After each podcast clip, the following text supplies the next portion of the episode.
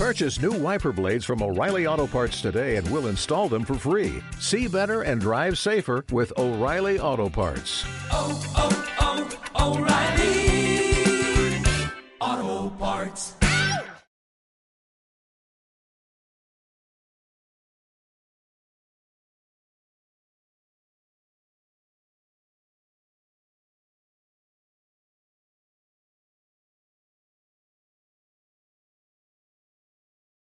Hola, molt bona tarda. Moltíssimes gràcies per venir. Veiem moltes dones, moltes dones joves i això ens fa estar molt i molt contentes. Jo sóc la Neus Molina, sóc periodista, sóc periodista cultural i seré la persona una mica que intenti, que intenti ordenar aquestes ments tan brillants que tinc aquí sobre d'aquest escenari tan bonic.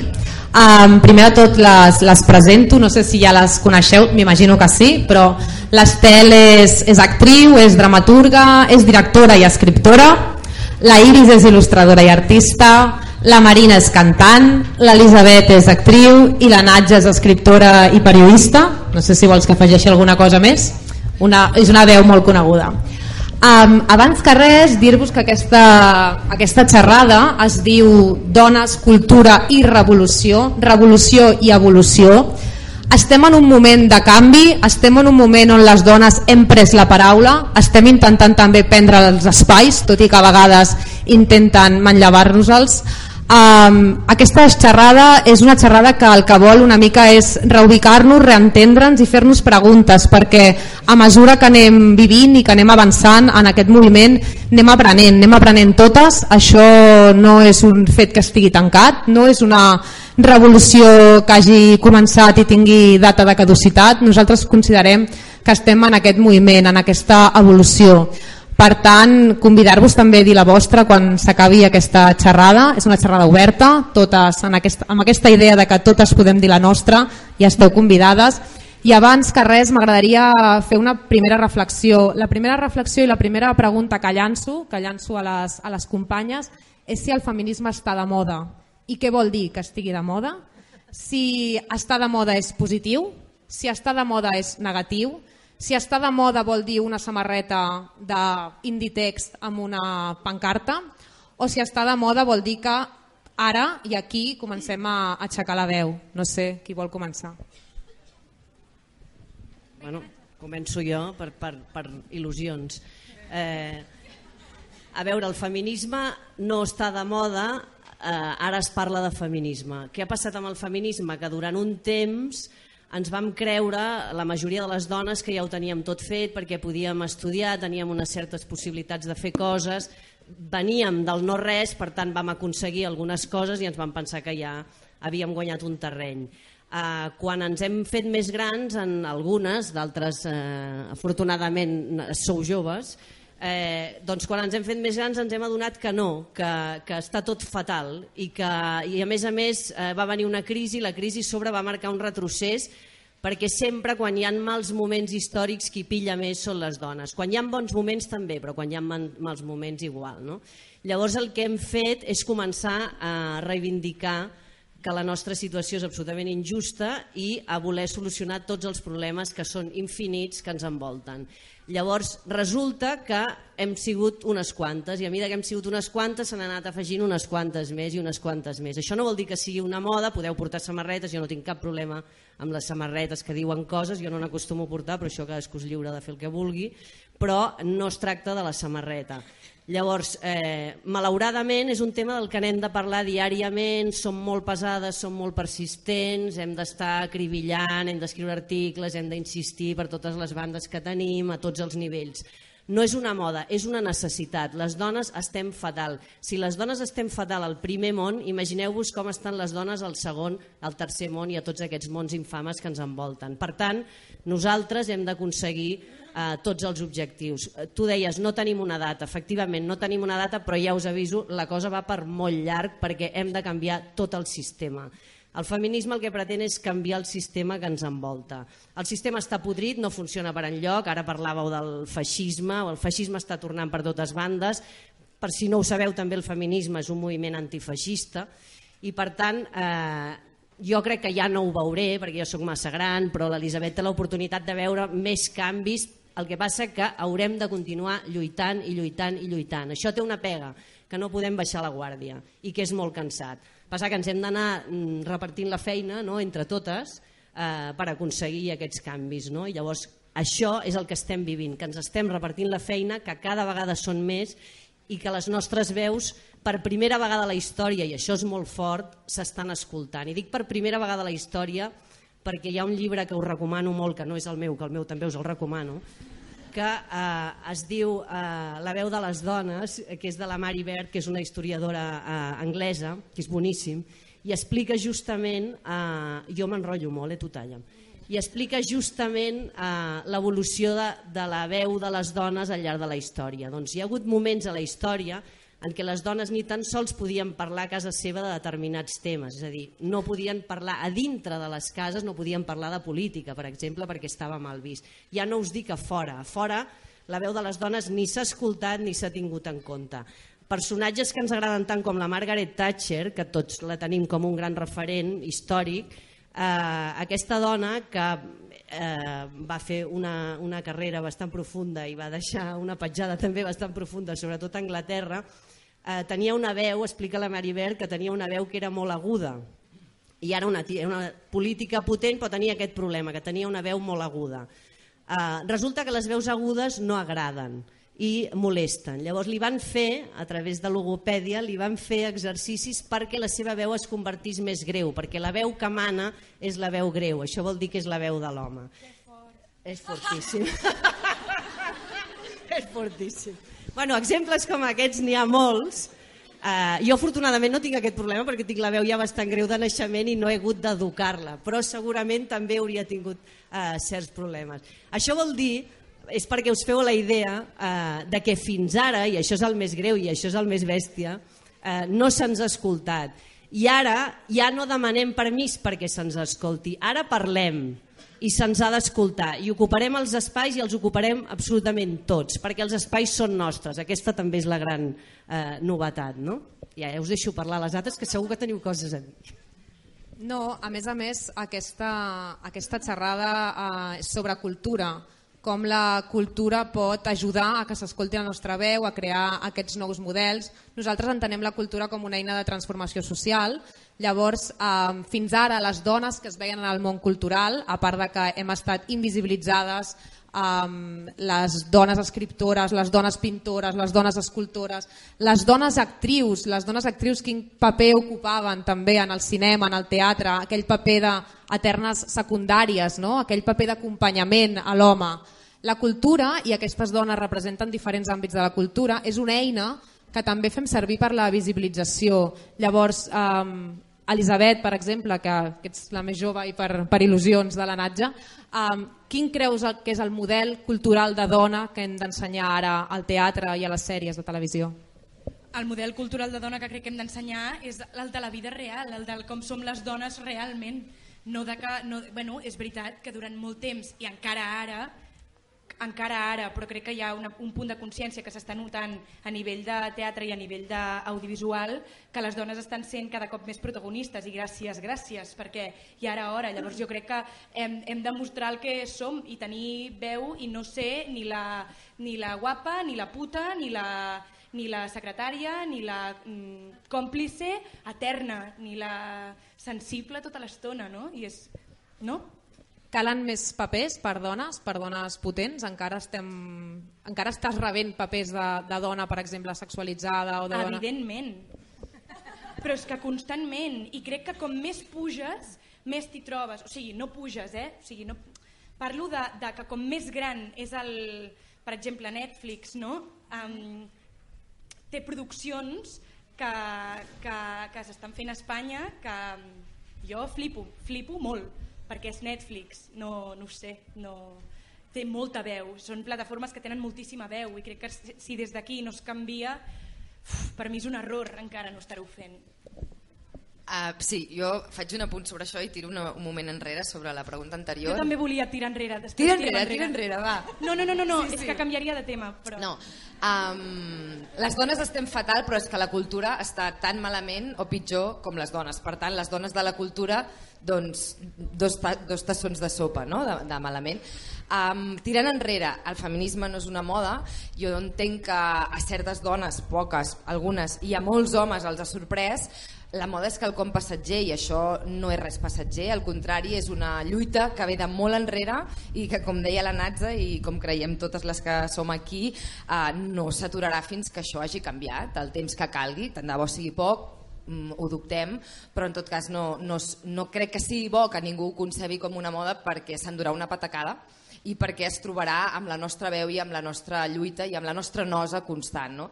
Eh, volia comentar una cosa que se'n va lleugerament de tema, però això que dèiem de les samarretes, perquè justament l'altre dia llegia, a mi tampoc em molesten les samarretes eh, i que les portin i, i benvingudes són, però certes marques evidentment eh, utilitzen aquest filon per màrqueting, justament l'altre dia llegia la contradicció d'una marca, en aquest cas eh, H&M, H&M, um, que Anglaterra, gràcies a la queixa d'una usuària que criticava en un, a Facebook un, en un post, deia, esteu fent samarretes de es- dones empoderades, necessers, etc.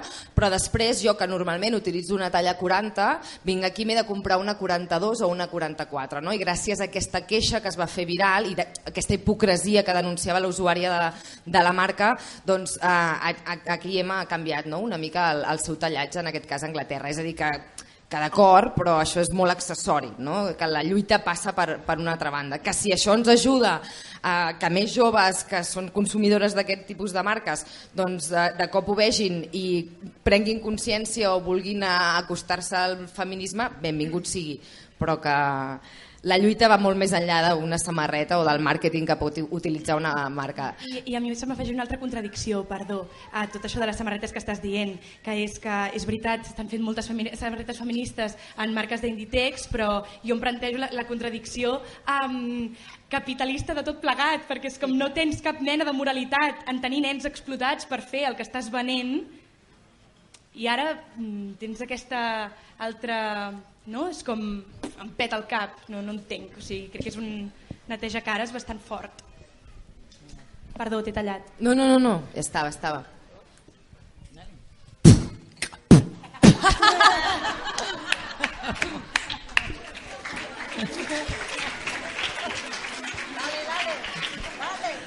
Bueno, yo estoy aquí escuchando a estas mujeres, estoy de acuerdo con lo que dicen todas. Voy a decir, por eso digo, voy a hacer un poco de beatbox y así doy ambiente.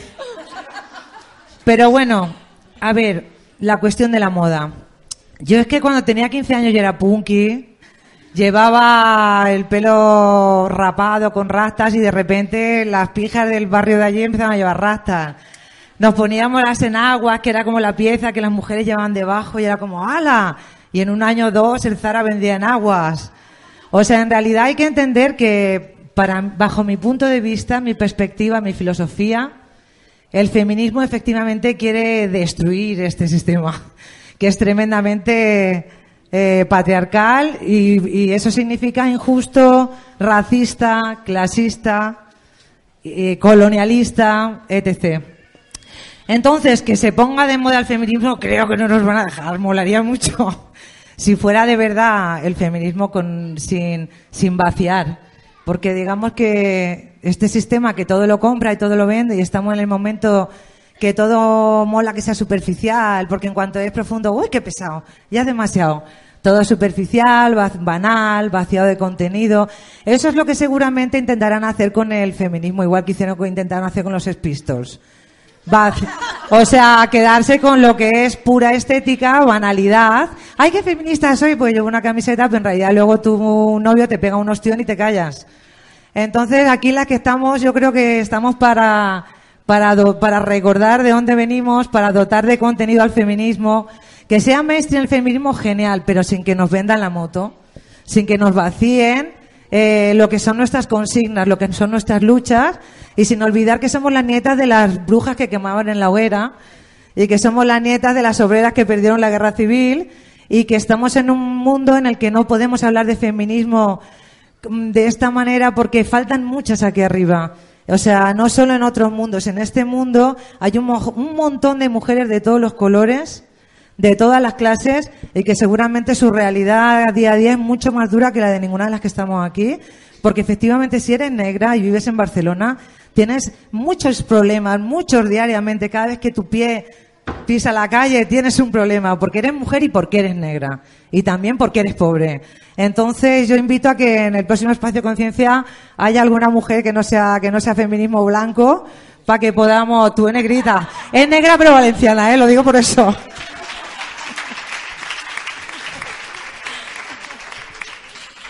Bueno, yo como representante negra de, de esta charla. bueno, yo, por la pregunta que decía, sí que, mm, sí que creo que, que ha habido un consenso de mínimos a nivel global, ¿no? Y mm, mi aportación, lo que puedo hacer o lo que me interesa traer aquí es, eh, hace poco estuve en el encuentro de mujeres zapatistas que luchan en Chiapas. Era la primera vez que se hacía este encuentro solo de mujeres, no había eh, presencia de ningún hombre. Las compañeras zapatistas prepararon allí un encuentro para 600 mujeres y llegamos 7.000. Y mm, un poco inspirada en lo que ellas dicen, ¿no? que saben bien de ser pobre, de ser indígena y de ser mujer y de estar en la lucha real, la de todos los días, la de la que a mí, por ejemplo, me, me- me parece más fascinante, ¿no? más inspiradora, porque lo están haciendo, ¿no? porque es real. Eh, ellas invitaban a que cada una, por esto de la diversidad, estamos en el feminismo, pero hay muchas maneras y nos encontramos cada una luchando eh, de una forma muy diversa, ¿no? Porque lo que decía Marina, pues la mujer que es negra y está en Barcelona, aunque esté en Occidente, tiene su película. Yo tengo la mía, cada una tenemos la nuestra. Ellas invitaban a que cada mujer, en su modo, en su forma y en su tiempo, identifica cuál es su lucha y que ahí vaya trabajando y que sea un, que no se nos olvide que estamos conectadas ahora, que creo que eso sí es la, la novedad, porque antes sí había luchas, pero ahora yo tengo la sensación de que, de que es global y es potente y va para adelante, ¿no? Y no, no, no lo van a parar, ¿no? Y mm, entonces así, ¿no? Que con humildad vayamos haciendo nuestras luchitas, ¿no? En cada sitio, pero sabiendo que las compañeras en otro lugar también están y que no estamos solas, ¿no? Cuando se hace pesada, cuando se hace dura, pues que hagamos ahí ese compartir, ¿no? Y recordar que hay gente que está mucho peor y que, bueno, que tiraremos para adelante, ¿no? Sí, de fet, la gent que diu que el feminisme és una moda és perquè espera que sigui una moda perquè les modes són passatgeres. Um, ara es porten els pantalons molt curts, a lo millor l'any que ve es porten molt llargs. Llavors, um, també una miqueta recollint el que han dit les companyes, um, el feminisme esperem que no sigui una moda, de fet no ho és, és una cosa que ve de lluny, que som herederes, com ha dit la Marina, de moltes altres lluites, i el feminisme, el feminisme atravessa lluites, atravessa altres pensaments, no només és una cosa unilateral i aquesta també és una mica la idea, atravessa el pensament de colonial, atravessa l'antiracisme, la xenofòbia, etc etc, l'antixenofòbia, òbviament. Um, llavors, una miqueta el que també volíem remarcar aquí és que, com, com ha dit la Iris, aquesta taula és una, aquesta xerrada és una xerrada de dones blanques d'Occident, també pensem que aquest feminisme mainstream, aquest feminisme que diuen que està de moda, és el feminisme blanc que ve d'Occident i que ve de les classes altes. Nosaltres també pensem que el feminisme i el feminisme de les obreres, de la classe popular, també hi és, també s'ha de reivindicar. Llavors, una miqueta, nosaltres des d'aquí també no la representem perquè, òbviament, eh, som cinc noies que venim de, de Catalunya i, o de València, en aquest cas, però sí que volíem, volíem anomenar-les i volíem que estiguessin presents perquè pensem que és molt important entendre que, que el feminisme és un moviment transversal. I una mica recollint el que, el que deia la Iris també, eh, per primera vegada el feminisme és global, estem connectades, moltes estem connectades també per les xarxes socials, les xarxes socials tenen una cosa bona i una dolenta, la bona és que la democràcia sembla que sigui més àmplia, la mala és que hi ha un algoritme que et diu a qui has de seguir i a qui no, però això és un altre tema.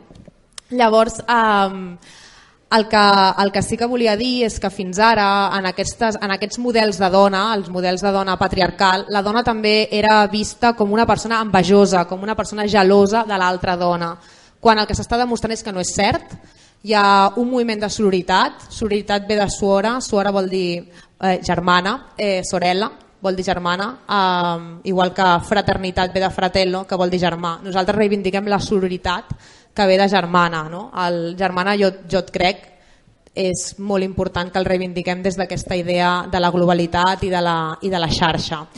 Una miqueta el que, el que volia ara tornant al tema de la cultura és que aquesta cultura que nosaltres entenem com transformadora també es fa amb moltes dones que no es veuen. Nosaltres, aquestes companyes, són cares visibles o veus visibles, però hi ha tot un gruix de dones que treballen en l'edició de llibres, que treballen en, com a tècniques de so, com a productores que no es veuen.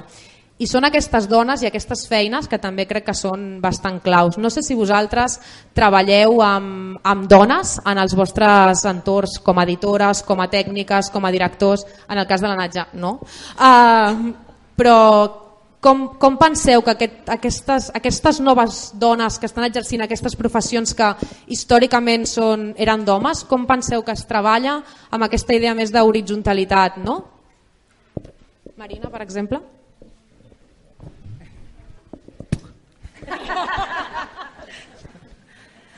A ver, yo llevo tres años intentando montar equipo de producción con mujeres. Se puede, pero cuesta. Eh, claro, todo lo que es booking, discográfica, la producción más de sonido que tiene que ver con los directos, con todo, es absolutamente masculina. No solo en, la, en, las en lo que en quien hace cada cosita, sino sobre todo, como en todo, que creo que llegaremos ahí, en quien manda. Entonces, si tú tienes una mujer que te representa, te vende menos bolos. ¿Por qué? Porque quien, a quien, quien compra los bolos son tíos. Entonces, con una tía ya, o sea, es que es fuerte, pero es así, ¿me entiendes? A mí, hace nada, yo estoy trabajando ya con una chica manager y hace tres o cuatro días me llamó y dijo, tía, estoy, tengo que hablar con alguien. Digo, ¿qué ha pasado? Y dice, tía, un festival me han dicho, no, es que ya tengo bastante mujeres. Y claro, tú luego ves el cartel y hay 40 tíos y tres mujeres. O sea, estamos en el punto de que ya, si hay dos o tres nombres de chicas, wow, qué enrollados somos. O sea, estamos tan lejos de, no sé, de que de verdad vayas a un lugar donde, además de técnicas, haya una mujer que ha hecho, ha decidido la programación de un festival, por ejemplo. O sea, que re- realmente el criterio de las mujeres también cuente. No solo en subirte a un escenario y cantar, no solo como técnica, sino también en, las, en donde se deciden las cosas, ¿no? Pero bueno, yo ya tengo manager. Hoy he venido con una chica que es mi tour manager, que además es técnica de sonido. Y poco a poco en enfrente. Bueno, yo en, en el caso de la pintura, por ejemplo, em, no tanto como ilustradora, que ahí es verdad que creo que somos bastantes más mujeres ilustrando. En el caso del muralismo, además, cuando haces murales grandes, eh, hablaba hace un rato también de esto, ¿no? Como yo siento que a veces me llaman solamente porque soy mujer. Entonces, si la idea es que trascendamos el género y que no nos eh, llamemos porque somos hombres y mujeres, que para mí sería la finalidad, sino que esto no importe y nos, nos llamemos porque nos gusta el trabajo que hacemos por, y, y no tenga que estar dentro de una cuota. No tenga que ser, como decía ella, ¿no? Bueno, pues al festival le viene bien tener mujeres y es novedoso y quieren un poco limpiar la conciencia también. Yo quiero que me llamen por mi trabajo, si es interesante. Da igual que sea un hombre o una mujer. Y en la parte en la que yo sí organizo en algún festival, es verdad que intento no tener esto en cuenta en un primer momento, ¿no? De ver la obra, ver qué me gusta, qué cosa creo que es interesante y que el género no sea lo que me condiciona para traer gente. Igual me estoy equivocando y tengo que traer un montón de tías porque hace falta que estén presentes, ¿no? Pero también a mí ahí tengo una duda, ¿no? De cómo hacemos este paso. Jo te la resolc, que si vols. Vamos. Sí. Eh, és que és veritat, és que és, un- el tema de les quotes és el tema encara, però és que, és que no, estem, no hem passat a la fase que tu vols i és la que nosaltres volem i és la que tothom hauria de voler. Clar, llavors amb el tema de les quotes passa una, una cosa que la gent que tenim un pensament més d'esquerra no ens explota una mica el cap perquè és una obligació, llavors hem de fer les coses per obligació. Però jo n'estic tan cansada i estic fins tan als ovaris de les coses que no tiren endavant que al final dic, pues ho farem per obligació perquè xatos, us hem donat 2.000 anys com a mínim per corregir el tema, no? Llavors jo crec que en 2.000 anys, si no heu vist que la cosa havia de ser una mica més equitativa, a mi se me'n fot si us semblen bé les quotes o no. Jo vull quotes. Per què? Perquè necessitem aquesta visibilitat que no tenim, perquè la veu de les dones no se'ns ha escoltat fins ara. I per tant, s'ha de posar. Què passa amb les quotes? Que llavors surten, els, els, els nerviosos surten, ah, bueno, vale, però llavors que entrin les millors. I dius, perdona, jo m'he tragat anys d'inútils i me'ls continuo tragant. No cal que us doni noms perquè tots els teniu al cap, presidents de govern, presidents de tot, de tot, de tot. I me'ls continuo tragant. I quan jo reclamo el lloc que em pertany, que jo tinc 25 carreres, sé 50 idiomes i estic preparadíssima, em vens i m'exigeixes coses i una merda, la cosa és, nosaltres posarem el tant per cent de llestes i de tontes com vosaltres. I un cop tinguem això anivellat, aquesta és la idea, aquesta és la idea. Perquè una cosa us haig de dir, no, no, una cosa us haig de dir. Les dones, el que tenim en comú és que som dones, però dones n'hi ha de tot tipus, també n'hi ha de dretes, i això també ho sabem. I no cal que tampoc us digui noms.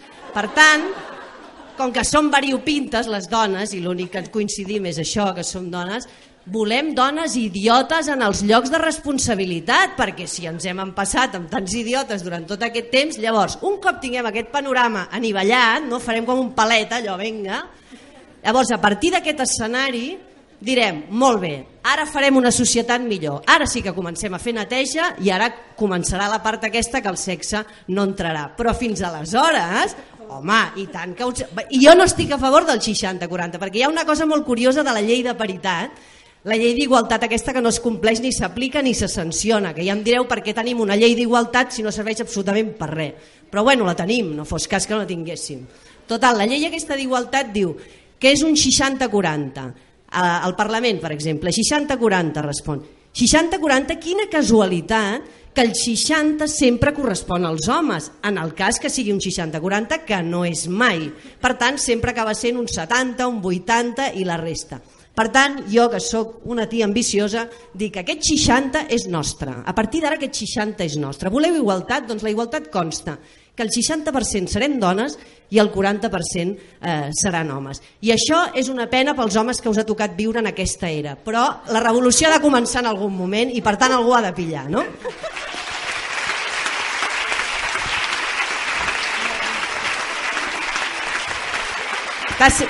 T'ha servido, no? T'ha colado? T'ha colado? Ja no tinc res més. Jo volia dir que absolutament d'acord amb tu, Natza, i a més hi ha una cosa bastant perversa en això, que és com si les dones no tinguéssim el dret que tenen els homes d'equivocar-se, de cagar-la i de fallar. No? Um, pensant ara en, en temes culturals i en la meva faceta per exemple, com a actriu, que m'he trobat, no? ara vaig i vinc d'un tema, eh, que sóc molt dispersa, com a actriu, eh, la història eh, de, de la dramatúrgia eh, deixa fora absolutament a les dones. Per què? Perquè el teatre és un mirall de la societat i les dones se les ha relegat durant segles i segles a ocupar les llars, mentre els homes ocupaven l'espai públic, els carres de, de poder i, per tant, donaven lloc a les meravelloses històries d'herois. No? Per tant, el teatre que reflexa la vida eh, elles sempre són secundàries i en això ens hi hem trobat i ens hi seguim trobant. Jo eh, faig un salt, em començo a dedicar més a la dramatúrgia i escric papers de dones, protagonistes, que també és un altre tema, no? productors que no volen produir mm, protagonistes femenines perquè diuen que, que no triomfaran. Mentida total, perquè a part qui consumeix cultura majoritàriament són les dones, especialment en literatura i en teatre, Crec que el cine ho hauria d'estudiar, potser és més masculí el consum, però qui porta eh, gent al teatre són les dones, i van soles, i van amb amigues, i van amb familiars, etc etc. i a vegades arrosseguen els homes. Bé, um, quan intentes estrenar com a dramaturga en aquest cas, tot és més complicat, amb coses que m'he trobat jo, per exemple, i, i faig l'anècdota molt puntual perquè no vull que això es quedi en el que m'ha passat a mi, sinó anar a una visió global de què entenc jo com a problema de, de tot plegat. Um, S'ha sexualitzat tot, en el sentit, a mi a vegades, eh, jo he produït, jo dirigeixo i m'he trobat milers de vegades de ja, ja, però passa'm amb el director, però passa'm amb el productor, no, sóc jo. Bueno, això ens hem trobat, m'hi trobo jo, però qualsevol dona que tingui un càrrec de mínima responsabilitat. Uh, hi ha una entrevista que la companya Júlia Bertran li va fer al director del Teatre Nacional on parlaven precisament de, de les quotes, la podeu veure. Um, D'aquella entrevista se'n deriva un tema que és com si les dones uh, no mereixessin estrenar a la sala gran del Nacional, per exemple, mm, ho explica d'una manera, veieu, en tot cas la meva conclusió. Acaba anant a parar aquí, que és um, perquè no són, a, a, han entrat a la dramaturgia molt més tard, han de demostrar i els hi queda molt més camí per recórrer fins a arribar i quan arribi el moment ja les deixarem estrenar allà. Bé, els homes que estan estrenant, o alguns dels homes, autors catalans que han estrenat a la sala nacional, gran del Teatre Nacional, són de la mateixa eh, eh, edat i són coetanis amb moltes eh, dramaturgues d'aquest país que no estan estrenant. Això per començar. I aquí, eh, veient aquesta entrevista, per exemple, pensava, què passa que nosaltres com a dones no podem estrenar la sala gran i fer un fracàs, què passa? Que ells no estrenen i fan fracassos com a directors, com a dramaturgs, com a actors, etc etc etc. O sigui, poca feina que tenim i la única oportunitat que se'ns dona, la, la pressió que sentim de responsabilitat ha de ser el triple o 100 vegades més que la que senten ells? No pot ser. Per tant, absolutament d'acord en que aquí s'han d'aplicar quotes fins que les coses canvin. I eh, aleshores, parlant del tema de cultura, jo voldria parlar més de polítiques d'educació, perquè perquè per mi la, a la base de tot el problema, dels micros i anant a macros problemes, hi ha això. Um, si no tenim polítiques bones d'educació, uh, el problema que tenim amb feminisme en cultura en realitat és un, un o sigui, és transversal, vull dir que, que, que la taula està centrada en la cultura però per mi és transversal. Comencem, podem començar on vulguem. Ataquem, per exemple, des de no sé, les baixes de maternitat, fins que això no, sigui, no hi hagi una paritat i siguin les mares les que segueixin ocupant la llar mentre els, els homes segueixen treballant, la dona no es pot desenvolupar professionalment, ergo no pot pujar de categoria, no pot eh, ser autònoma o, o, o acabar manant, governant, president una empresa, el que sigui. Per tant, les noies que pugen i que estan estudiant mai tindran referents eh, de dones que no sé, matemàtiques, científiques, actrius, polítiques, etc etc. i aquí anem encadenant un, un peix que es mossega la cua. Per tant, per mi tot recau eh, en el, eh, polítiques d'educació eh, claus i a més a més aquí s'hi ha de posar el tema de la cultura que, que ens ve lligat aquí. Feminisme i cultura eh, tenen el mateix problema per mi en les polítiques d'educació. Quantes històries de dones que estan escrites per homes també? Que això ja és lo más, no? O sigui, des de productors musicals, des de uh, guionistes, de, no? que hi ha una figura de dona protagonista i mires qui ha escrit allò i és un equip d'homes i fas, uah, no té cap mena de sentit. No? Bueno, perdó, jo també vaig un tema a l'altre i ara...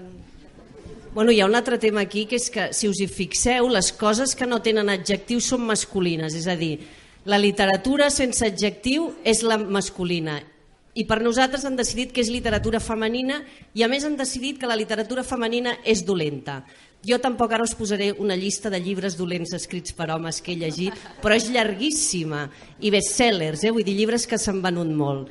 Uh, va, us en cito un perquè em fa molta gràcia i, i perquè em serveix per explicar-vos una cosa que jo volia parlar de la religió perquè no n'hem parlat, però a la nostra cultura la religió ha fet una feinada respecte al paper de les dones i els homes a, eh, a la societat. Hi ha un autor que va recollir aquesta idea amb un llibre que es diu eh, La catedral del mar, que no sé si l'heu llegit, que em sembla que s'ha fet una sèrie o no sé què. Bueno, el llibre, a part d'estar molt mal escrit i ser llarguíssim, eh, eh, divideix a les dones en dos grups. Em sembla que surten dos dones, eh, o tres. Eh, o són putes o són verges. Llavors això és una cosa que també ens ha anat perseguint al llarg de la història, no? perquè exemples claríssims, el tio que folla molt és un campió i la tia que folla molt és una guarra. I això continua, aquest, aquest, aquest ideari, no? Aquesta, aquest marc mental, el continuem tenint molt, molt ficat a dintre. No?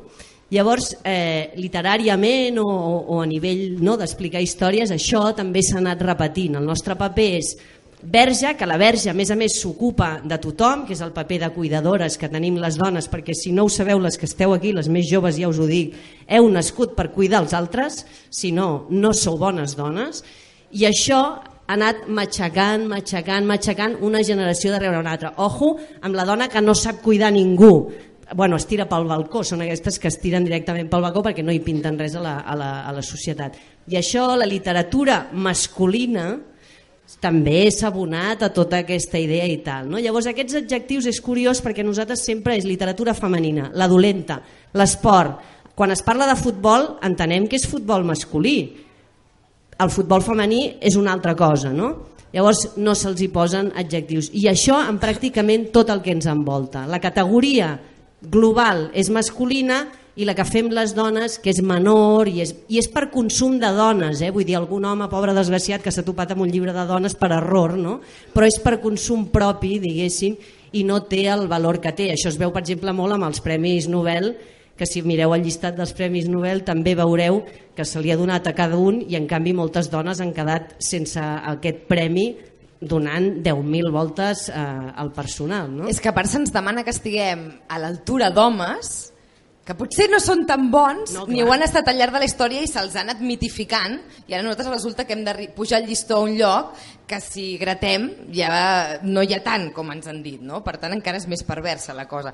Dient, eh, perdó que talli. Hi havia un hashtag que, eh, que es diu eh, allò que les dones escrit, allò que només hem d'escoltar-nos dir les dones escriptores que el va crear una, una escriptora anglesa i moltes escriptores hi han anat pujant coses que els hi han dit, no? Per exemple, ah, ets escriptora, que fas llibres infantils, per exemple, o que fas novel·la rosa, o quina sort que el teu marit et deixi dedicar-te a això, no? Són algunes tres perles de les moltes que podeu trobar en el, en el hashtag, no? Però això són les coses que continuen passant ara, aquí, i això que dèiem, o sigui, continuen passant aquí, això li, li vas afegint condicionants al fet de ser dona i va passant. Jo sempre havia pensat en el món de la música, que jo com que el món de, bueno, jo intento no fer diferències en general, però jo he escoltat molta música, però també escoltant eh, entrevistes o veient a dones que es dediquen a la música, clar, al final també es converteix en un món molt masculí, eh, no? Però exageradament masculí, en canvi sí, però també hi ha hagut moltes cantants, moltes eh, compositores, però també és veritat que expliquen les dificultats que han tingut el mateix, perquè se'ls hi reconegui, no parlem de directores d'orquestra, no? tot aquest món que és absolutament masculí també. Es verdad que tal vez en música no somos, por supuesto no hay una paridad, o sea, no somos ni un 60-40 ni nada así, pero sí que de repente puedes ver a mujeres que están en el centro y que es su proyecto, que escriben las canciones, que producen, que hacen... Todas estas coletillas siempre te las quitan también. ¿Ves? Yo soy cantante. No, yo hago mis canciones, compongo, escribo, produzco los espectáculos, todo eso nunca lo han puesto en una entrevista ni me lo han preguntado. Dan por hecho que tú friegas los platos y ya bastante que haces, ¿no? Pero bueno, yo lo que estaba pensando, mm, me ha salido con lo de la puta y todo esto, porque en la música eso se sufre mucho. Del estereotipo de mujer que te dejan, que dejan poner en el centro, tiene que ser muy sexualizada, muy la bomba, eh, si, si ya si pasan los 40 ya a la basura. Eso se sufre mucho, supongo que en toda la cultura en general, ¿no? Que, que es muy patriarcal también, ¿no? La cosa como la mujer, un hombre ya con 50, ¡ay, qué interesante! Sus canas, ¡ay, qué buen, qué buen profesional, ¿no? Y tú, cuanto más, cuando más sabes, cuando te dicen, "Ala, ya, venga, retírate. ¿Cómo? ¿Pero ahora? No, por favor, ¿no? Yo eso lo estoy viviendo y eso te hace fuerte, porque en realidad tienes que trabajar tu autoestima, tu, tu proyección, tu deseo, lo que tú quieres y saber que tú te mereces estar ahí más que nunca, ¿no? Y luego eh, también hay una cosa que se junta un poco con la cosa para mí un poco clasista y, colonial, que es que también el reggaetón y todo lo que se mueve tucumán, ay, qué feo. O sea, digamos que la música cultural que viene de la gente pobre está mal vista, no es fina, entonces tienes que, tampoco se puede hacer. No sé cómo explicarlo. Es un poco que es lo que sí que o, o mueres quemada o mueres o mueres asfixiada. Vamos, quiero decir, porque o te, o te dedicas a mover el culete y eres una sex symbol y tienes que convencer a todas las niñitas que ese es el modelo de persona, de mujer, para poder triunfar y poder estar en algún lugar de poder, o tienes que ser monja.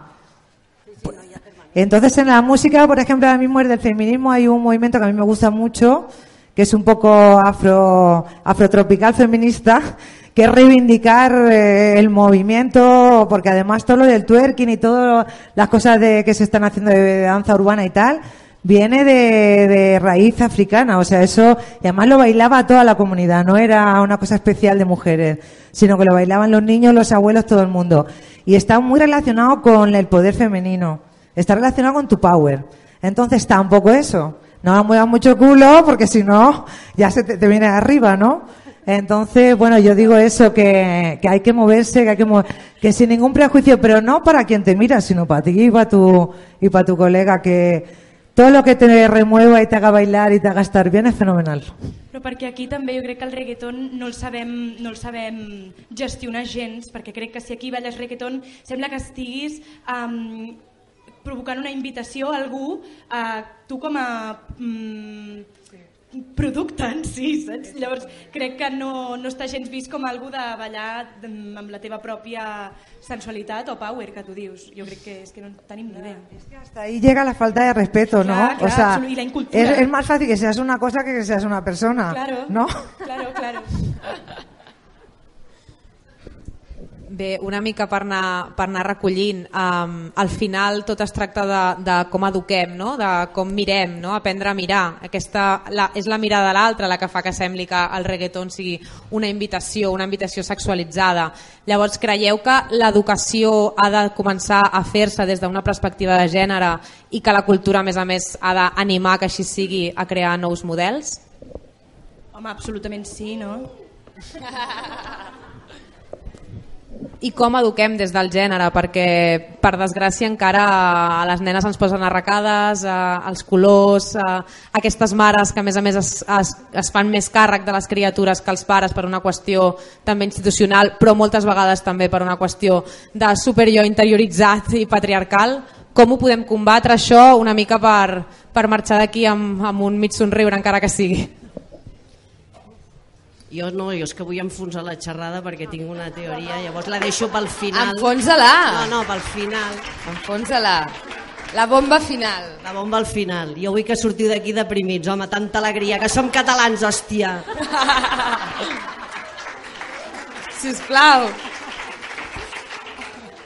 No, és que per mi tot va relacionat, no? Jo, per exemple, eh, he sigut mare fa dos anys i, mm, i, i costa distingir, que és una cosa, he dit molt la paraula pervers, eh? ara me n'adono, però la tornaré a dir. És molt pervers saber distingir allò que realment vols eh, innatament o allò que creus voler perquè la societat t'ha fet creure que és així. I és un exercici, és molt filosòfic el que es pot aplicar a qualsevol àmbit, no? però clar, jo com a mare m'he adonat que em considero, o sigui, em considero una dona molt moderna i de cop m'he vist amb comportaments molt masclistes jo sobre mi mateixa, jo amb la meva mare, per exemple, donant per fet que la meva mare tenia més obligació de fer cangurs o de cuidar el meu fill que el meu pare no? i jo sóc una dona i això um, la maternitat amb tot el que et produeix físicament però també mentalment el retrobament amb jo mateixa i en un moment d'empoderament màxim de les dones uh, m'ha provocat una crisi dura però si més no interessant de saber distingir això, què volem i què no i per això crec que és necessari perquè probablement moltes dones hi ha un debat sobre el tema de la lactància, si això ens està tornant a esclavitzar o no, etc etc. això és un altre tema i tinc la meva opinió sobre què, què passa amb això, però en tot cas crec que si donem l'oportunitat a les dones de poder tornar a la feina, de no haver-se de quedar treballant, si es fan lleis que permeten que els pares puguin, el que deia abans, no? quedar-se ells a casa, cuidar els seus fills, que alguns també ho estan desitjant, vull dir, no anem contra els homes perquè n'hi ha que estan d'acord amb tot això, no? Uh, segurament moltes més dones s'acolliran a aquestes lleis i estaran contentes de tornar, poder tornar a treballar, poder-se tornar a retrobar i gestar i desenvolupar les seves carreres. Perquè amb el temps, si tu renuncies a la teva carrera, t'acabes dient a tu mateixa que és perquè ho volies. Mentre que jo crec que si mm, mm, surten lleis que, que ens ajuden en aquest sentit, i així s'ha demostrat en els països nòrdics, que ja les tenen i que les dones, eh, no sé com està el feminisme allà, però crec que no tantes queixes com tenim aquí no les tenen, eh, ajudarem en aquest sentit no? i jo crec que, que per aquí passa les polítiques d'educació des de l'escola doncs no ho sé, en tot cas a nivell de llar eh, perquè això serà el model familiar que veuran aquests nens i nenes que creixeran no? Yo antes de que la Nacha os, os rompa, y yo soy, bueno, así muy, muy positiva en principio, eh, tengo una hija de 15 años y a mí me esperanza mucho ¿no? Ver eh, a nivel institucional, evidentemente hace falta muchos cambios, muchas cosas que desbloquear, mucha ayuda, mucha conciencia, pero también, ¿no? Con el ejemplo de, pues, una madre medio pirada que hace cosas que no hacen eh, igual que no hacía mi madre, ¿no? Y cada uno en su casa va haciendo su ejemplo. No digo que desde la institución, evidentemente, hace falta que ahí hagamos fuerza todas, pero yo veo a mi hija con 15 años y alucino de los kilómetros que hay de cuando yo los tenía. Y también ¿no? lo, que, lo que pasa cuando tú eres madre y entonces el espejo este de, de la niña que va creciendo y vas viendo todas las cosas que son diferentes, todo, todo el machismo que queda en nosotras, ¿no? Todavía. Y también darnos ese perdón de decir, bueno, es que yo también estoy aprendiendo, ¿no? Y, y me tengo que dar la tregua de ir sacando esto poco a poco, ¿no? De ir, de ir haciendo. Y luego, en el otro tema que es el de la cultura, creo que es básico, ¿no? Que estemos y que además eh, el cambio ha de venir desde la belleza y desde la alegría y desde la celebración también, ¿no? Y ahí cada una en su modo, en- con su herramienta, tiene que tiene que ir para allá, ¿no? Hay que hacerla de- para mí desde ahí. Pues yo lo mismo que todas, que creo que nos estamos muy de acuerdo. Yo me reservo para la bomba final.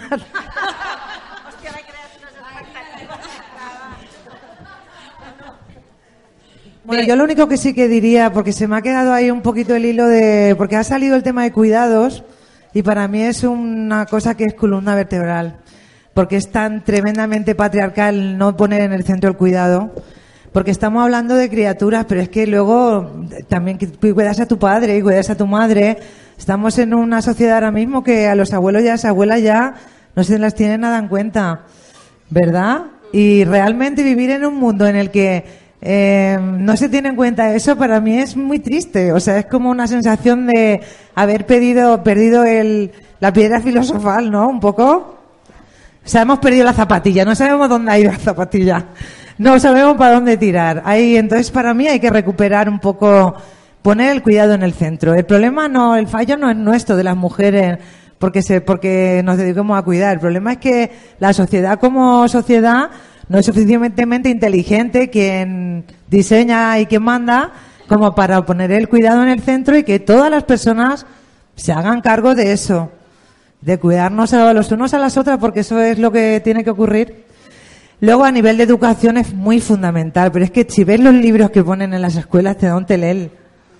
O sea, eso es lo primero que, claro, literatura, palabras hechas, pensadas por mentes femeninas, por mujeres, sería muy importante, referentes. Ahora hay muchos trabajos, ¿no? Eh, muy, muy interesantes a nivel de visibilización de, de mujeres que han hecho algún, al- algo chulo en la historia. Yo, si hiciera algún libro de texto, también hablaría de las que no han hecho, no han descubierto un, pla- un planeta ni nada, pero que han hecho cosas muy importantes y muy interesantes.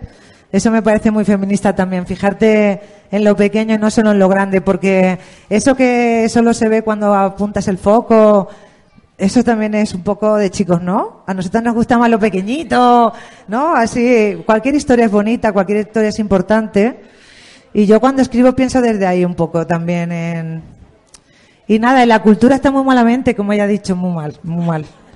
Entonces, lo primero, la cultura no es un lujo. La cultura somos nosotras y nosotros. La cultura está en cada una de nosotras. Y quien hace cultura no es, wow, o el cultureta, ¿no? Es que la cultura es para todos y para todas y que no nos engañen, así es. Y cuanto más calidad mejor. Y todo el mundo tiene que poder ir al teatro, tiene que poder ir a ver al mejor concierto que se le ocurra y si es gratis mejor. Esa es la realidad.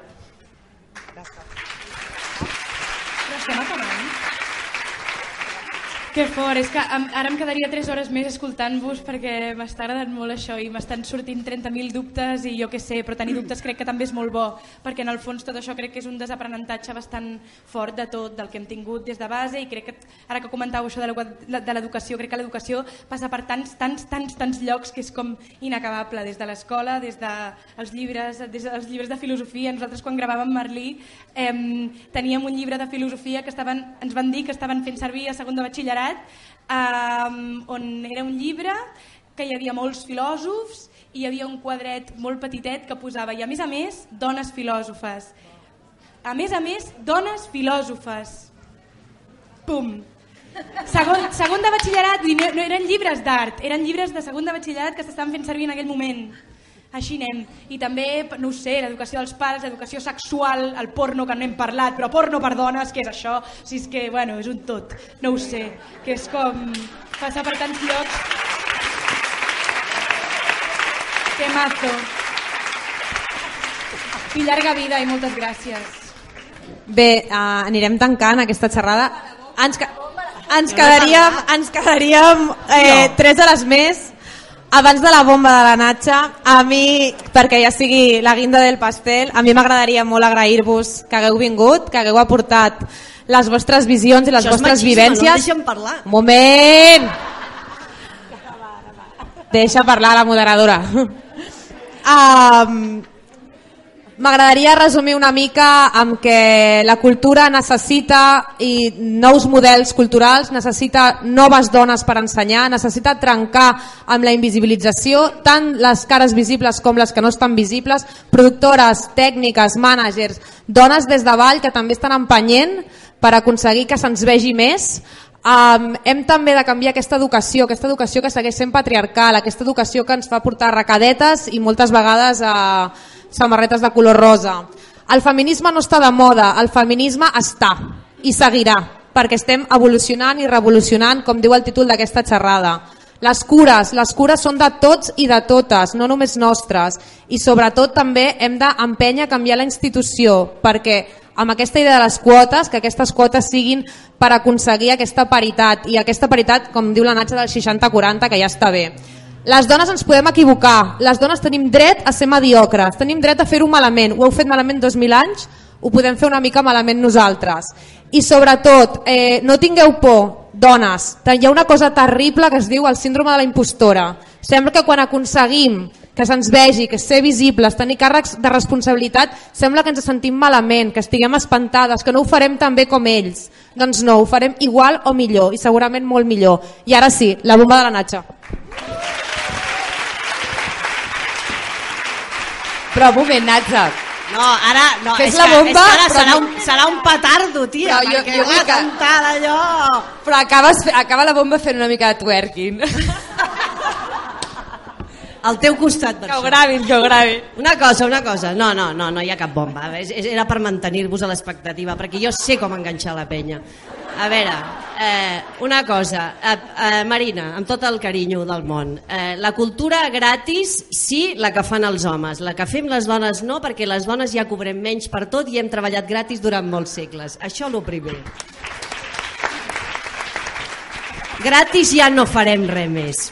I si no, que ho faci tothom gratis, no? Perquè això, això. O tothom o, o ningú. Però sí la cultura accessible, que la cultura no sigui elitista. accessible. Però bueno, l'ampista gratis no en surt, o sigui que la cultura tampoc. Uh, no, que és que aquest concepte el anem arrossegant. El, no, és que claro, com és artista. Bueno, si és artista, però come, no? Uh, llavors, segon, com que us veig a tots molt hippilondios i això és bastant hippie, uh, us he de dir que hi ha una moda, això sí que és una moda, uh, que recomana i que s'ha imposat en els últims temps, que recomana o que parla de lo, lo natural i lo guai que és donar de mamar al teu fill fins als 30 anys i tal, no? I a veure, una cosa, eh, fins als 30 anys no cal, ja us ho dic jo, perquè llavors no seria donar de mamar al teu fill, seria una cosa una mica més eh, xunga.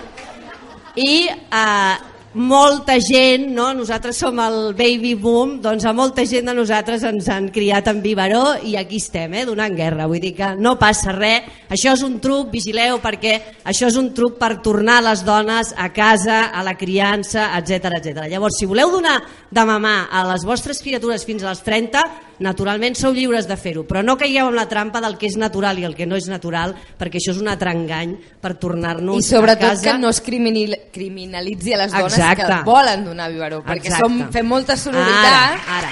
i en aquest terreny justament és on he vist més dones enfrontar-se, no? Vale. I ara ja us enfonso el dia definitivament perquè eh, sí, l'educació està molt bé, hem de canviar moltes coses, bla, bla, bla, bla, bla, bla. Tu has citat els països nòrdics. Hi ha una cosa que es diu la paradoxa nòrdica. Què passa amb la paradoxa nòrdica? Que és veritat que els països nòrdics tenen una igualtat molt més eh, assolida que nosaltres. Això és veritat i és així i per llei i es compleixen les lleis. Però què passa? Que als països nòrdics hi ha una violència estructural contra les dones brutal.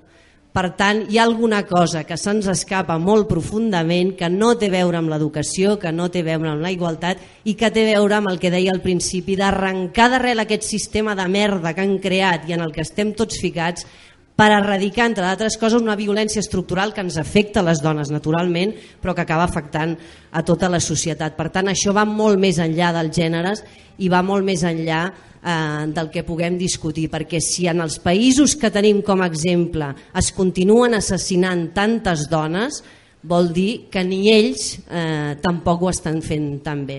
Per tant, us poso deures, aneu a reflexionar mentre beveu cervesa com uns cosacos i ballar. Eh? Ah, i diu que feu torn de preguntes, però jo ja no contesto. Bé, nosaltres ja hem acabat, um, ara us toca a vosaltres. Si els hi voleu preguntar qualsevol cosa, um, o qualsevol cosa que elles vulguin contestar, la contestaran. No tenim micro, així que haureu de cridar una miqueta i el que vosaltres vulgueu. Us passem la pilota. Sí que tenim... L'Anna té un micro, sí, l'Anna té un micro. Algú vol dir alguna cosa? Una altra bomba. Quan vaig tenir amb ella, no vaig voler agafar la baixa. Les crítiques van venir de les meves companyes, no dels meus companys. Sí, sí, perquè les dones som unes arpies. oh, sí, sí, sí. Això és, és que hi ha molt masclisme entre les dones. Sí, sí, totalment. Bueno, bueno, és que de moment hem de canviar les dones, perquè ja prou feina tenim. Algú més vol preguntar alguna coseta? Que Jo crec hi ha que molta estan, xitxa, eh? Estan esperant el concert següent o Ja alguna està, eh? Ja, ja han acabat.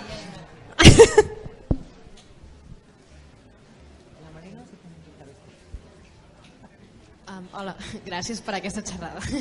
No, um, parlant, discutint sobre feminisme amb la meva mare i la meva àvia, a vegades arribem al punt en què es fan enrere, o sigui, que tenen por de, tota, de certs moviments que estan sorgint de feminisme, de feminisme que va més a l'arrel i, i això les espanta. I no sé com fer per intentar que vegin que, que no, que ho hem de fer i ho hem de fer bé a, a lo gran que ja toca, que ja n'hi ha prou. No Però sé. les espanta en quin sentit? Que els sembla massa radical o massa... No sé si violent, però sí, no, massa a, a l'extrem. Però si encara no hem violat cap home nosaltres, no? Ni n'hem matat a cap. Hi ha, hi ha una cosa que es diu tila que funciona a vegades. Uh, no, el que passa que sí que és veritat que l'única revolució que no s'ha fet i que canviarà el món és la revolució feminista. Jo entenc que estiguin expectades perquè és que canviarà tot molt, és girar un mitjó i no s'ha provat mai al llarg de la història i realment és absolutament revolucionari. És normal que estiguin espantades, però a vegades aquesta mena de- d'espantamenta dona també una certa vidilla, llavors res, eh, igual millor aigua del Carme que tila, Uh, però tu pelante, vés insistint, vés insistint, s'ha d'anar veient, tu no fluixis, és que el que no podem fer és afluixar per la por, la por sí que és una cosa que no cal que en parlem aquí. I la culpa. Uh, la por i la, Ui, culpa. la culpa, no, la no, culpa. clar, la por i la culpa. Això no podem viure més amb això perquè això és el que no ens fa avançar gens. O sigui que t'acompanyo amb el sentiment. Gràcies. Jo els diria que quan, quan més por sents sovint és quan estàs a punt d'aconseguir l'èxit. Yo solo añadir que, que, mm, al final lo que estamos proponiendo es encontrarnos como humanos en otro lugar, vernos desde otro modo, ¿no? Y esto, claro que acojona. Sobre todo al lado que tiene el poder, ¿no? Que es el que tiene también que hacer un buen trabajo y, mirar mucho para adentro, ¿no? Y ahora a mí me llamaba la atención que estoy un poco cegata igual, ¿eh? Pero veo que somos muchas más mujeres aquí, ¿eh? estamos más interesadas quizá, ¿no? Por a ver qué hacemos, ¿no? Para dónde vamos, qué nos pasa. Evidentemente, conforme esto vaya avanzando, tendremos que ser también muchos hombres, ¿no? Los que eh, quieran también hacer ese trabajo profundo para, para encontrarnos como humanitos en otro lugar que no sea este que nos ha impuesto el sistema, ¿no? Alguna pregunta més? Sí, jo. Sí? Hola. Eh, Hola. Hola. Uh, estava pensant, uh, jo estic ara aquí uh, col·laborant amb la producció, eh, vinc d'un altre poble, una festa major on hem tingut un punt lila, on desgraciadament hi ha hagut una violació que, per Sant Joan eh, de menors i és molt curiós el fet de que hi hagi molt poca formació amb la gent que treballa aquí sobre el sexisme. A tots dos llocs he trobat eh, homes que m'han començat a parlar sobre el de la manada eh, amb uns comentaris obscens per cada cop que passa una noia una mica escotada o amb els pantalons i això penso que, que, que és una cosa de formació i de pedagogia no? i que hauria de ser obligatori tot, tot, tot el que passi per on hi hagi homes i dones eh, hauria de ser eh, amb una formació no sexista i que s'haurà d'obligar a la gent no pot ser que com que ets segurata eh, puguis dir el que vulguis no?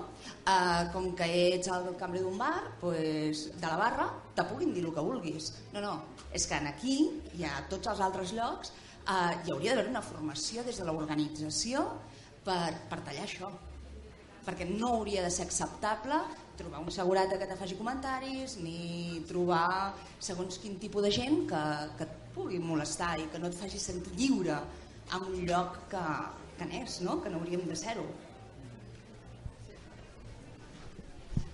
Hi ha un, hi ha un tema que, que ara se'n parla molt i tal, per violacions n'hi ha hagut sempre, ja ho sabeu, el que passa que ara se'n parla, és la diferència. Eh? Que eh, de tota la vida s'ha distingit, o jo crec que s'ha distingit entre l'assetjament i la seducció. Qui no sàpiga veure aquesta diferència és que té un problema. Evidentment hi ha una diferència abismal entre l'assetjament i la seducció. Llavors no valen ara aquests homes que estan sortint dient oh, és que ara ja no li podem tirar la canya cap a dona. No, el que no pots fer és violar-la, imbècil. No? Hi ha una diferència molt gran entre tirar la canya, seduir i assetjar una dona. Per això hem canviat també el lema. Ja no és eh, quan dic no, és no. És només quan dic sí. Només quan dic sí. I és una diferència substancial, perquè si no diu res, eh, bueno, sempre queda aquella d'allò. Només quan dic sí estic d'acord a fer el que em ve de gust. Si no, ja està, agafes i te'n vas. I això és molt simple. Llavors, tots aquests que tenen problemes, que no sé, igual hem de fer classes de seducció o alguna cosa perquè vegin més la diferència, però que és una cosa que tota la vida ha existit i ara no poden anar pel món dient no, és que ja no podem seduir, és que segurament no has seduït tanta vida, tio, saps? Llavors, d'aquests, allunyeu-vos en totes perquè aquests, a part, ho deuen fer fatal, a més a més tot, no? Llavors, fora, fora, i, i si no n'aprenen, no és el nostre problema, no ens n'hem d'ocupar nosaltres.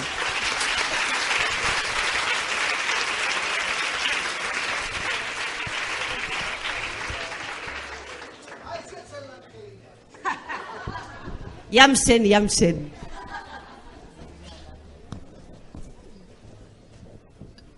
El que ens passa molt a l'institut és que fins i tot els professors ens insulten per com anem vestides, ens, ens han arribat a dir que anem al puticlub i acabarem abans. I, I aquesta gent Home. està treballant? Sí. Som professors tipus de socials, un professor de socials, jo anava amb una samarreta curta i em va dir que ja anés al puticlub que, que acabàvem més ràpid. I Això continua denúncia, treballant? No? Això és de denúncia, Això és denúncia total. clar. Continua treballant? Que bé, no? Pues quedem, quedem i anem Sí, eh, digue'ns quin institut és, vamos.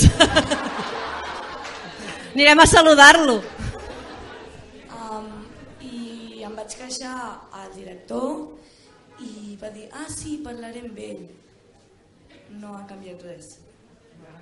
Pues això s'ha de continuar, eh? Vull dir que no, no es pot aturar, això. Que des... quan acabis tu l'institut vindran altres. Ja, ja. Jo el que volia dir també és que tu, Elisabet, abans has comentat que es veu també molt el tema de que la noia a la tele, l'actriu, que, bueno, la protagonista o així, que es veu com la lligona i tot això, es veu com la puta o així, i això passa molt a Netflix, però a TV3, en Merlí, per exemple, el Pol Rubio és el seductor, el, el Merlí igual, i la Berta Prats també, la Coralina li diu, és la puta, la que, la que vol lligona i tot Ja això. hem tret el tema, eh? tinc Netflix i poses TV3 i també tira d'esquena, vull al final... És veritat. És veritat. Ara, ara, autocrítica. És veritat. He, he citat Netflix perquè crec que són plataformes que tenen moltíssima veu a nivell mundial. Tot i que, evidentment, 100%. Ara dic que és que la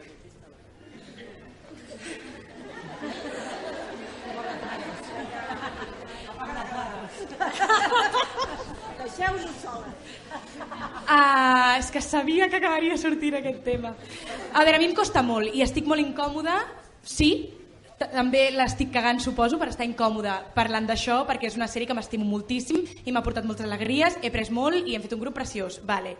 Um, però és veritat que, sobretot a la primera temporada i part de la segona, crec que després hi ha hagut una consciència amb tot això, perquè almenys, bueno, jo, jo crec que sí, que realment hi ha sigut, però és veritat que és una, és una sèrie que s'ha escrit um, per un home, um, l'Héctor, i ha volgut explicar una història d'homes. Llavors, això és lícit? Evidentment que és lícit, però quan estàs explicant una història a nivell públic, crec que s'han de tenir en compte tots els...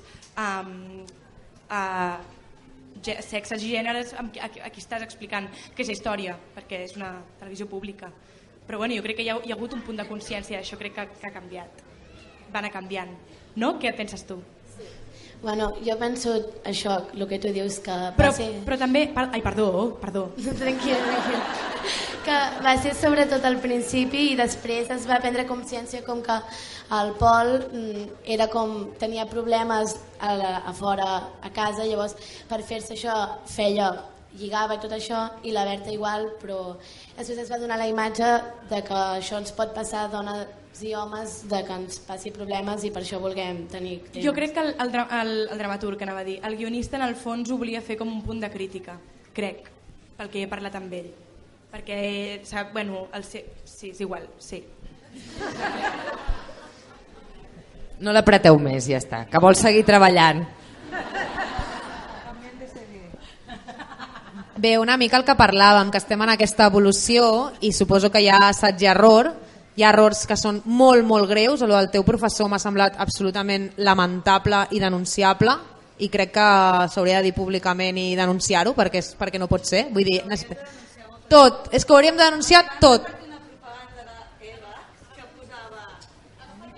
Una nena està de mal humor, no et preocupis, que és que té la regla. I això ho tinc a casa, eh? el paper de l'Evax, que ho van repartir a l'escola. Ho vam portar al Consell Escolar a l'AMPA i ens van dir home, que com érem així, que al final era educatiu, no explicar que els canvis d'humor durant la menstruació eren normals. I tu, guapo, quan et lleves de mal humor, què et passa? Que t'està creixent la polla o què et passa? No, que mengua, que mengua, no crece. Tenim molta feina. Però són papers que reparteix EVAX. EVAX va a les escoles, som de Vilafranca del Penedès, per si us interessa. I llavors, bueno, van donar a l'escola, clar, arriba ella i em diu, mira, mama, dic, com? I començo a rebre trucades de mares, perquè jo estic al Consell, jo què sé, pam, pam, pam, ho porto i els mestres em diuen, com ets? És que, clar, sempre hi ha la mare que vol lluitar per tot. Vale, Uah, ja està. No? pesada. Ja t'ho dic. Eh, T'assembles mogollona a ta filla, eh? Pesada. Doncs sí, tenim molta feina per fer, eh, assaig-error i masses errors. Molta pedagogia i seguim-nos queixant i fem-nos pesades. A la, a la, a, hi havia una cursa de les dones que regalaven un kit, era, eh, primer que la samarreta era rosa, perquè el rosa ens encanta molt, i la samarreta per córrer era rosa, i donaven un kit i a dintre hi havia bueno, una compresa o alguna així, llet desnatada, cremes per no ser... O sigui, era un kit absolutament... Tot era sexista, o sigui, no hi havia res que posessin una pistola no? per suïcidar-nos seguidament. És el que faltava. Però aquestes coses, clar, i aquesta... però sí que ho hem d'anar denunciant. És una feinada, però en sèrio, la feina ens la repartim entre totes. Si totes anem matxacant això, al final ja eh, no els hi quedarà un altre remei que cedir no? I, i deixar de fer aquestes xorrades. Però és això, és una qüestió de venga, venga, venga, venga. I Perquè... això perquè són casos molt bèsties, però aquest concepte de micromasclisme, o sigui, jo encara no l'entenc. Micro de què? O sigui, que, o sigui no, no els entenc, no entenc És els que no, és que o sigui, està mal som- utilitzat. Hi ha masclismes petits o què? Si no... Això es va fer, es va, jo t'ho explico, es va crear un... un... Jo expli ho explico tot, ho explico tot. Ho vol explicar algú altre? Tu, tu, Natza. Vale. No, tu també ho saps. No, jo ja faré el twerking. Vale. Jo sóc la quota de, de les idiotes, saps? Que han dit que també n'hi havien d'haver. Ja, jo sóc la lletja que, que vaig a Molleres. És així. Eh, la, això del micromasclisme es va, es va crear aquest nom per denunciar justament els, els masclismes quotidians, no? aquestes petites coses que ens trobem. Però Sí, què molt bé, el que no- el que no, no no, ho trobes bé, no ho trobes bé, ja et dic jo que no ho trobes bé. No, no, no, no. No està bé, és que no està ben utilitzat, perquè llavors el micromasclisme s'ha instaurat com una cosa menor i el, i el micromasclisme és el germen de l'assassinat de dones, no? Llavors, aquest germen l'hem d'eliminar, perquè us pregunto, quantes vegades heu sentit el terme microracisme o microhomofòbia? No s'utilitza per res, s'utilitza només en el cas de les dones. Llavors, com que també només s'utilitza en el cas de les dones, no ens interessa, és un terme que no ens interessa. Per tant, no l'utilitzis mai, no serveix per res, és masclisme. No existeix el micromasclisme, és masclisme. Em van ensenyar aquest concepte uns amics meus. Pues, pues deixa de Estem tenir treballant aquests amb amics. els micromasclismes, el, el cau, no sé què. Uau. Teniu alguna qüestió més? Alguna cosa que vulgueu aportar? Sí, allà hi ha una...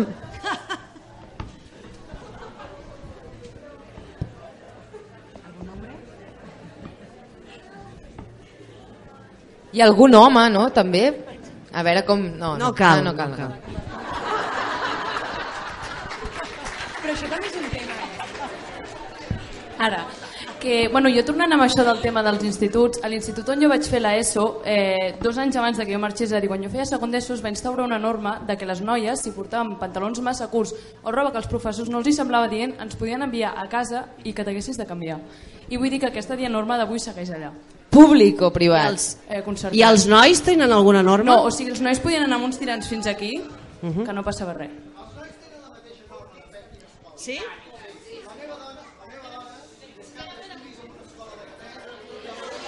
Aguet, aguet. No és perquè ets home, és perquè no tens micro, espera.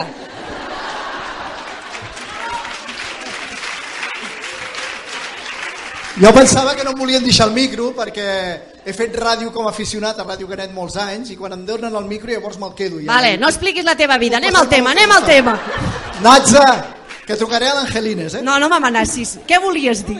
No, únicament comentar que sí que hi ha escoles, jo no dic que puguin ser totes, però sí que hi ha escoles que aquesta normativa que ha comentat aquesta noia, que existeix tant per als nois com per les noies. Parlo un coneixement de causa perquè la meva dona és eh, professora de la secundària, és cap d'estudis de secundària. Pública, escola pública. Concertada. Avui no he pogut estar aquí eh, i tenia l'entrada i tot per motius de feina, però aquesta normativa tant existeix pels nois com per les noies i han enviat a casa que es canvin de vestimento, que es canvin de calçat, tant a nois com a noies. I ja que tinc el micro, aprofito per fer un petit comentari que la meva dona sempre fa. Jo crec que em, és molt just tot el que esteu reivindicant i que us tenim que donar no recolzament, sinó que tenim que estar al mateix nivell totalment dins de, dins de la societat. Però, per exemple, la meva dona és filòloga i ella sempre critica que no us fa cap bé perquè la normativa diu que aquesta utilització que s'ha posat tan de moda els últims temps d'u- d'utilitzar els termes catalans i catalanes, gramaticalment no és correcte. No és correcte, hi ha el terme genèric de catalans i no s'ha d'utilitzar. Si pensen certs sectors de que la reivindicació de la dona té que anar per aquí, mm, això no és correcte. Jo crec que hi ha altres camps i que aquí tindríem que ser Però nosaltres més estem- homes. estem- que ser més homes i no jo el no? masoquista de que estic aquí donant-vos recolzament. No, no. Això de la gramàtica, eh, estem per sobre de la gramàtica, eh? Per això, per això ho dic. Per, Natza, precisament, exactament, això és el que volia manifestar. Però tu, però tu saps, tu saps, i en el món que tu et mous, de que hi ha molts partits polítics, etc, que aquest terme d'utilitzar el masculí i el femení quan s'ha d'utilitzar el nom genèric no té sentit. La reivindicació, o la reivindicació, com molt bé tu has dit, no ve per aquí, ve per altres camins molt més importants. Però que crec que tot el que molesta o genera impressió ja està bé, perquè justament et, et, et crea una reacció. Per tant, guapes totes, no? No ho sé, per què no? Això, això sempre.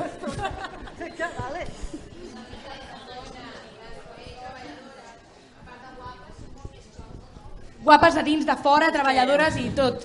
És que a mi això del tema de l'escola... Sí? Tot. que em sembla molt bé això de que hi ha escoles a les que també es manden carta també als nois perquè es canvin de roba, però em sona a quan et diuen un tio que es que a nosotros también nos pegan. Ya, pero las que mueren somos las tías. Lo siento, pero te jodes. I el, I el tema del llenguatge igual, és una tonteria i és molt mínim tenint en compte que estan morint noies violades i assassinades. Però jo crec que és una cosa molt mínima però que per què es comença? Perquè jo em sento inclòs amb el masculí però també vull que tu et sentis inclòs en el femení, perquè és igual. No, perquè el genèric és masculí. El genèric és masculí. Són tots, són ells i elles. I si jo dic ells i jo em sento inclosa, en el elles que es sentin inclosos. Que sí, sí, sí. Em sembla molt bé. Si no dic que no, eh, que em sembla meravellós. Però la meva opinió és aquesta. Bé. Perquè com a monitora d'esplai he, he hagut de debatir amb nois que em deien ja, però és que no, no vull ex- excloure de res. Inclou Am. i jo m'incloc. El, perdoneu, el feminisme també eh, el que fa és reivindicar el llenguatge inclusiu, llavors totes aquest, tots aquests plurals femenins es poden utilitzar sense cap mena de problema. Jo no sóc filòloga, no sé si gramaticalment és correcte, però sí que crec que, com, com ha dit l'Elisabet, si crida l'atenció i remou, benvinguts siguin, guapes, llestes, intel·ligents, treballadores i tot el que faci falta que apuntava la companya. Si no teniu més preguntes anirem Ah, sí, sí, tancant. ha una. Sí, hi ha una més? Bueno, Quina meravella. No, no, només vull afegir una cosa. Digues, digues. Uh, no, amb el tema que ha comentat aquella noia, que s'ha- ha quedat com tapat, perquè ha dit ell que hi ha escoles o instituts que també passa amb els nois, però que passi amb els nois i amb les noies en un institut no treu que en aquell institut o en altres instituts només passa amb les noies. És a dir, que ha quedat com tapat, no? com, si només, bueno, com si no fos una cosa només de les dones o que només els hi passés a les dones, però, però en realitat en aquell institut només passa a les dones i segurament a, moltes altres, a molts altres espais també. Llavors només volia, bueno, volia afegir això, que, que, que no treu, el que tu has dit no treu que allà sí que passa només amb les dones, no? I... Ah, merda, què més, què més has comentat? Ah, això, lo de la gramàtica. No, que també m'agradaria saber qui ha fet les normes de la gramàtica, saps què et vull dir? Perquè, clar, és evident que si et bases en unes normes que estan establertes, doncs segurament pots dir, ostres, això no és correcte, per tant no és la manera de reivindicar-ho. Però és que potser aquestes normes estan fetes així precisament per això. Llavors, és qüestionar-se d'on surten aquestes normes, també.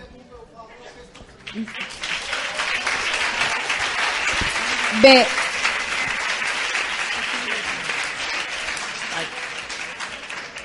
nosaltres anirem acabant. Em reitero, moltíssimes gràcies a totes. Um, i que seguiu gaudint del Clownia, d'aquest espai de consciència que continua. I moltíssimes gràcies a les meves companyes, artistes, dones de la cultura, donasses. I moltes gràcies per seguir aquí, perquè sigueu tan joves i tingueu tanta energia. I denuncieu, denuncieu, insistiu, fem-nos molt pesades, tenim molta feina i estem fent això, evolucionar i revolucionar. Merci. Gràcies.